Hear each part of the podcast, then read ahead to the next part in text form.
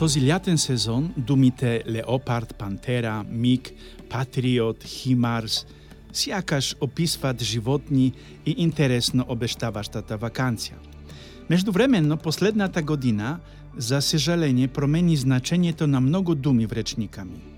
Леопардет и пантерата може и да са смртноносни животни, но во сјанката на војната во Украина, во современниот ни речник – така наричане убийствени военни машини, кои-то носиат смрт и разрушение. Випреки че бојните действија се водят далеч од домовете ни, всички ние живеем в сјанката на тази жестока и безсмислена војна. И днешното Боже Слово се што говори за војна и за цар, обаче цар којто побеждава всичко и всички. Този цар вместо ужасет и смрт носи мир и утеха. Канјам ви в днешниот подкаст за да чуете за едно различно лице на војната.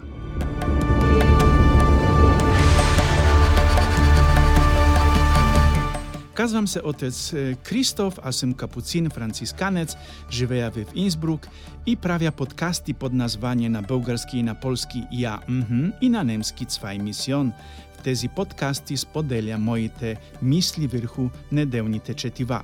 Всяка собота од 12 часа на сервера podbin.com ще намерите нов подкаст на полски, на български и на немски език, се ответно вписвајки назвањето на подкаста Ја, мхм, или Цвај мисион. Канја ви сердечно!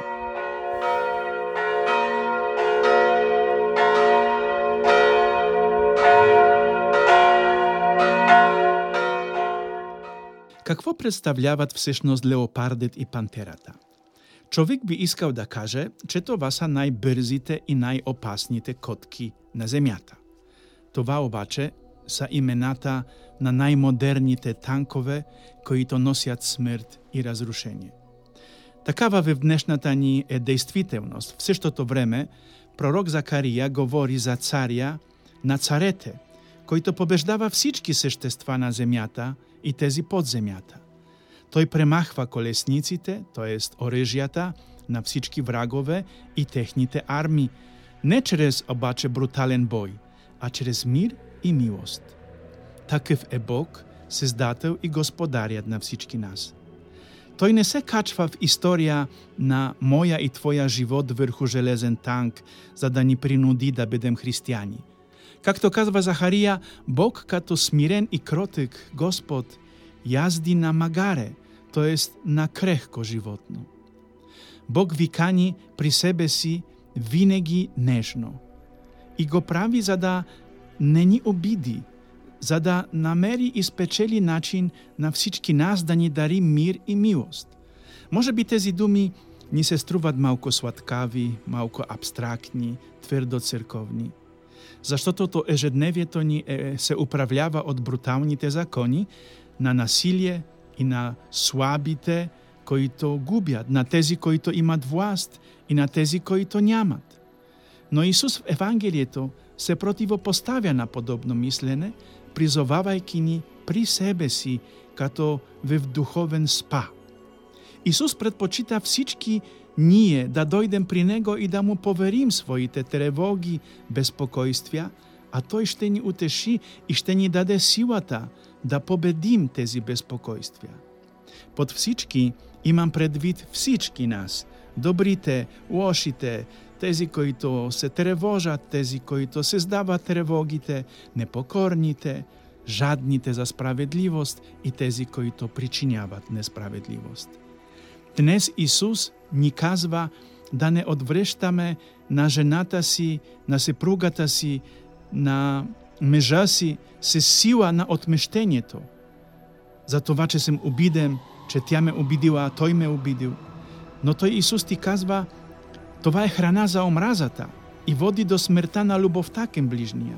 Ела при мен, донесе тази твоя несправедливост, аз ще те утеша казва ни днес Исус.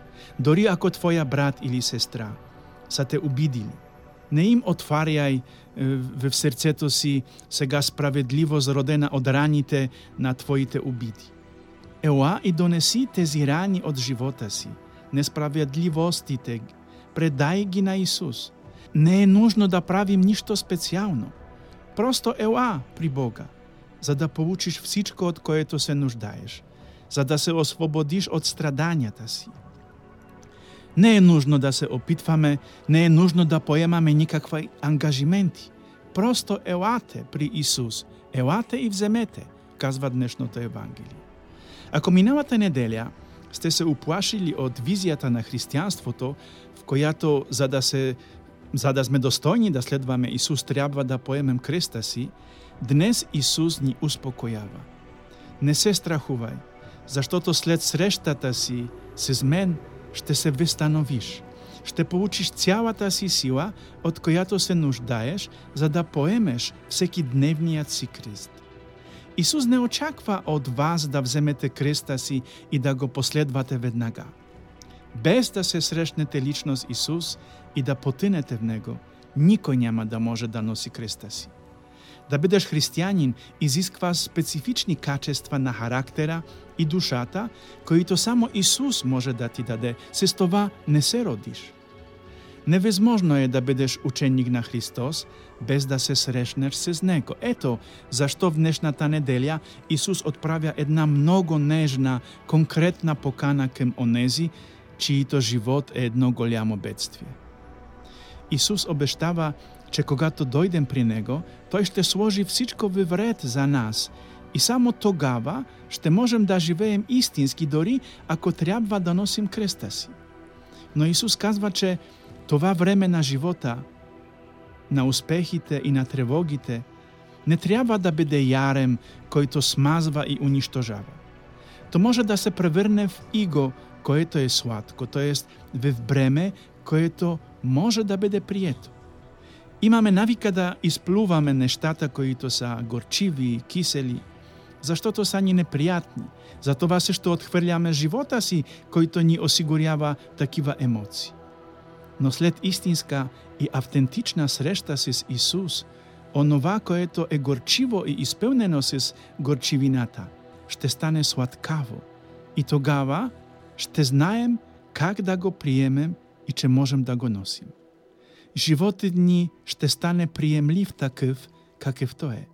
Исус променя му вкус. Мисля, че именно в това се състои това идване и приемане от Исус Неговите дарове. Без това движение към Него е невъзможно да живеем спокойно. Кураж, братя и сестри! Нека Господ да ви дари мир.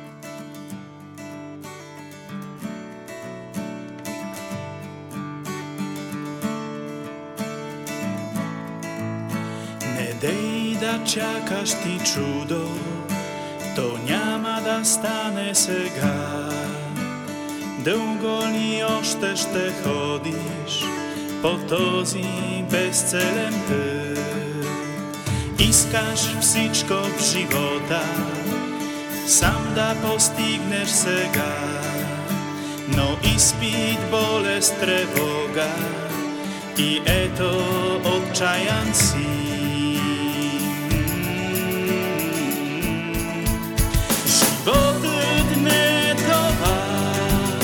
Zabúdaš i bež sega, trochy od ľubov, kúpeno šťastie to dáva sveta. Miráš jedna lža,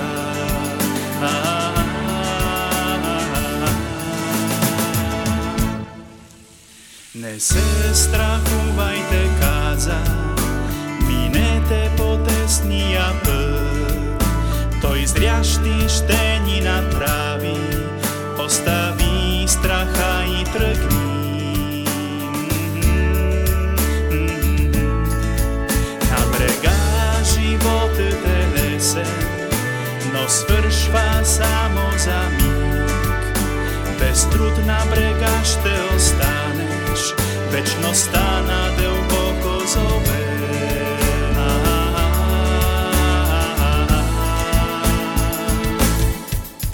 Животот не е тоа, само да живееш сега. Трохи од любов, купено штастје това дава света.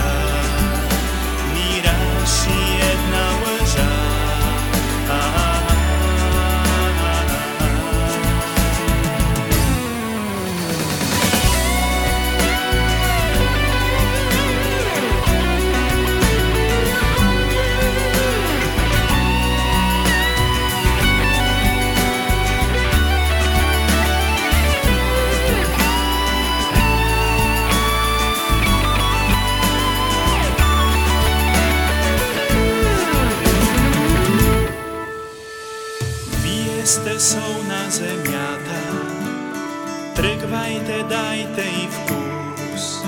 Не става въпрос за години, за вечност е тази борба.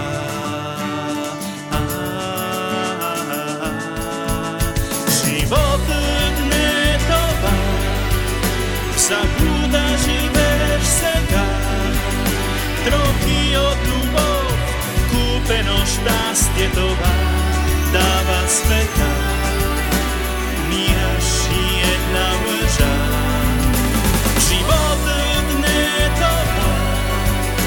Не свършва днес и сега.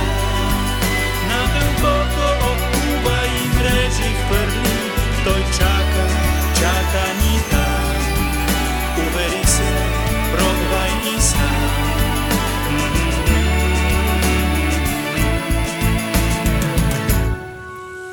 Не дей да чакаш ти чудо, то няма да стане сега. Долго ли още ще ходиш по този безцелен път?